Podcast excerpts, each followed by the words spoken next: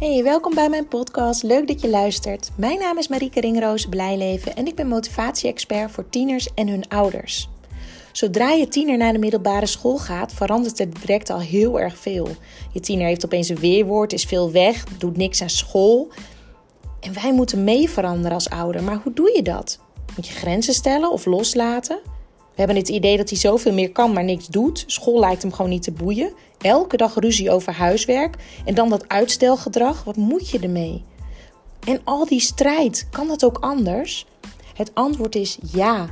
In deze podcast deel ik praktische informatie over het opvoeden van je tiener en omgaan met hun motivatieproblematiek. Handvatten, inspiratie, tips en tools om meer positiviteit, rust, ontspanning en gezelligheid te ervaren binnen het gezin. Want dat willen we toch allemaal? Ben je er klaar voor? Let's go! Hey, welkom bij weer een nieuwe podcast. Deze podcast wil ik jullie meenemen in een situatie die ik af en toe hoor in mijn praktijk. En het allereerste wat ik in deze podcast wil zeggen is: wees er bewust van dat jouw tiener specialist is over zichzelf. Jouw tiener weet van zichzelf, weet het beste en het meeste over zichzelf. Natuurlijk is hij zichzelf nog aan het leren kennen en dergelijke, maar de tiener is specialist over zichzelf. Net als dat jij als ouder specialist bent over jouzelf. Soms krijg ik van ouders te horen dat er op bepaalde manieren door school of door begeleiders met hun wordt omgegaan. Dat ouders het gevoel krijgen, zij denken dat ze mijn tiener beter kennen dan dat wij kennen. En ze vertellen ons wat wij anders moeten doen, wat wij eigenlijk fout doen. Wat er dan gebeurt, is dat je tegenover elkaar komt te staan. Dat is het laatste wat je wil. Het is ontzettend belangrijk om te beseffen dat ieder specialist is over zichzelf. Gezinnen die bij mij in begeleiding komen, vertel ik ook altijd: ik los het probleem niet op. Ik los jullie probleem niet op. Jullie gaan het zelf oplossen. Ik ben een buitenstaander. Ik ga jullie vragen stellen zodat jullie bij je eigen antwoorden komen. Ik heb de antwoorden op die vragen niet. Wel kan ik dingen signaleren die ik heel veel tegen ben gekomen afgelopen jaren. Maar het is dan aan jullie om te kijken: hé, hey, wat is bij ons van toepassing? En, en wat herkennen we? En wat geldt niet voor ons? Laat een ander je niet vertellen wat je wel en niet moet doen. Laat een ander je niet het gevoel geven dat jij niet weet waar je het over hebt. Wees specialist over jezelf. Laat je alsjeblieft niet gek maken. Het is namelijk zo dat je met de school samen of met de begeleider samen een team mag vormen. Je wil namelijk allemaal hetzelfde en dat is het, het beste voor het kind. En het beste voor het kind is Ehm, dat je met elkaar gaat bespreken: oké, wat is nu de situatie? Wat gaat er goed? Wat gaat er nog niet zo goed? En wat is de oorzaak van dat het niet zo goed gaat? En als je daar niet achter komt, is het vooral belangrijk om na te denken: maar wat, hoe willen we het wel? Wat willen we wel? Dus een situatie bedenken of, of uitschrijven of vertellen. Wanneer ben jij tevreden over de situatie. Die vraag kan je tiener beantwoorden. Die vraag kan je als vader beantwoorden, kan je als moeder beantwoorden. En de school kan die ook beantwoorden. Dus bedenk voor jezelf: wanneer ben jij tevreden? Dat is 100%. En met 100% bedoel ik niet het perfecte plaatje, maar ik bedoel met 100% die situatie is goed genoeg. Stel dat het nu heel veel onrust is met je tiener. Het gaat niet goed op school, haalt allemaal onvoldoendes, doet niks aan zijn huiswerk.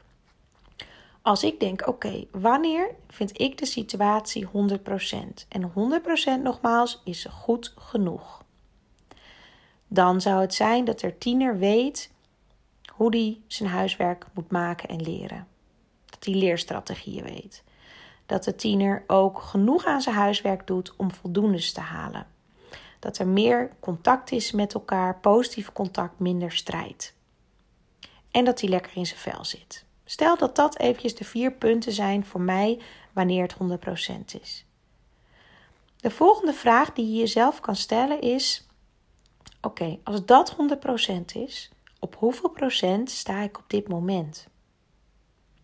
Nou, dan denk ik dat ik nu op 35% sta. Ik zeg maar even wat. Dan kan je denken: wow, oké, dan moet ik nog 65%, maar zo kijken we niet. Dan kijken we: hé, hey, wat zorgt ervoor dat ik al op 35% zit? Wat gaat er al goed waardoor ik al op 35% zit? En dat schrijf ik allemaal op. Oké, nou, uh, we hebben af en toe wel gezellige momentjes als, uh, als ik hem naar bed breng bijvoorbeeld. Of nog even een nachtkus geef. En als hij net uit school komt, dan uh, zitten we heel eventjes uh, te kletsen. Ik zeg maar wat. Hè? Wat zorgt er dus voor dat je op 35% staat? En dan vervolgens, wat kan ik als ouder doen om 5% vooruitgang te boeken? Dus van 35 naar 40% te komen. Wat kan ik doen? Ik kan hem bijvoorbeeld wat meer ruimte geven als hij in een slechte bui is. Dat ik er niet bovenop ga zitten. Dat ik niet ga zeggen dat hij nou zijn huiswerk moet doen. Of dat hij normaal moet doen. Of dat hij nou moet komen eten. Maar even iets meer ruimte geven. En zodat het niet zo keihard botst. Dus in plaats van bovenop zitten, geef ik hem iets meer tijd en ruimte voor zichzelf. Dat is wat ik ga doen. Als je namelijk op deze manier met elkaar over gaat hebben en je tiener laat je hetzelfde doen, dan krijg je en helder wat iedereen heeft bij 100%. Dus wanneer iedereen tevreden is over de situatie. Dat is al heel mooi, want 9 van de 10 keer is bij iedereen hetzelfde van het gezin en van de school, wat, wanneer ze tevreden zijn. En iedereen pakt zijn eigen stukje verantwoordelijkheid wat hij kan doen om bijvoorbeeld 5% vooruit te stappen. En ze focussen veel meer ieder voor zich op: ja, maar wat doe ik eigenlijk al? Wat gaat er eigenlijk al goed? Dus het is zo waardevol om uit het negatieve te stappen en vooral te kijken naar: hé, hey, maar wat wil ik wel? En waar sta ik nu al? En waardoor sta ik daar al? Niet waarom sta ik daar nog maar, nee, waardoor sta ik daar al? Dus de focus op wat er al goed gaat. Dit is zo mega waardevol. Dus mocht je het gevoel hebben dat school je niet serieus neemt, of je niet begrijpt, of een begeleider waarbij je loopt jullie niet begrijpt, pas dit eens toe. Laat ieder dat eens invullen. En kijk er dan met elkaar naar. En dat hoeft niet per se uh, schrijvend. Hè? Dat, dat kan ook dat je, het, dat je het aan elkaar vertelt. En dan zal je zien dat jullie allemaal hetzelfde doel hebben. En waardoor komt het toch dat je nu tegenover elkaar, komt, tegenover elkaar komt te staan in plaats van naast elkaar? Waarschijnlijk omdat iemand zich niet gehoord, gezien en serieus genomen voelt. Dat is meest, in de meeste situaties de oorzaak van waardoor er strijd ontstaat. Als jij je als ouder namelijk niet gezien, gehoord en serieus genomen voelt, dan word je boos op de school. Dan ga je de schuld bij de school leggen. Een tiener doet hetzelfde. Je gaat de schuld bij de ouders leggen of bij de school. Dan ga je weg bij je eigen gevoel. Dus stop met de schuld ergens anders te leggen en ga vooral kijken waar heb jij wel invloed op. Op je eigen gedrag, hoe jij over dingen denkt, hoe jij je voelt, enzovoort. Hoe jij reageert. En stop met oordelen over de school of over je tiener of over de andere ouder. Daar heb ik laatst al een podcast over opgenomen. Maar bedenk vooral wat wil je wel. Alright. Heel veel succes en wees trouw aan jezelf. Doei doei.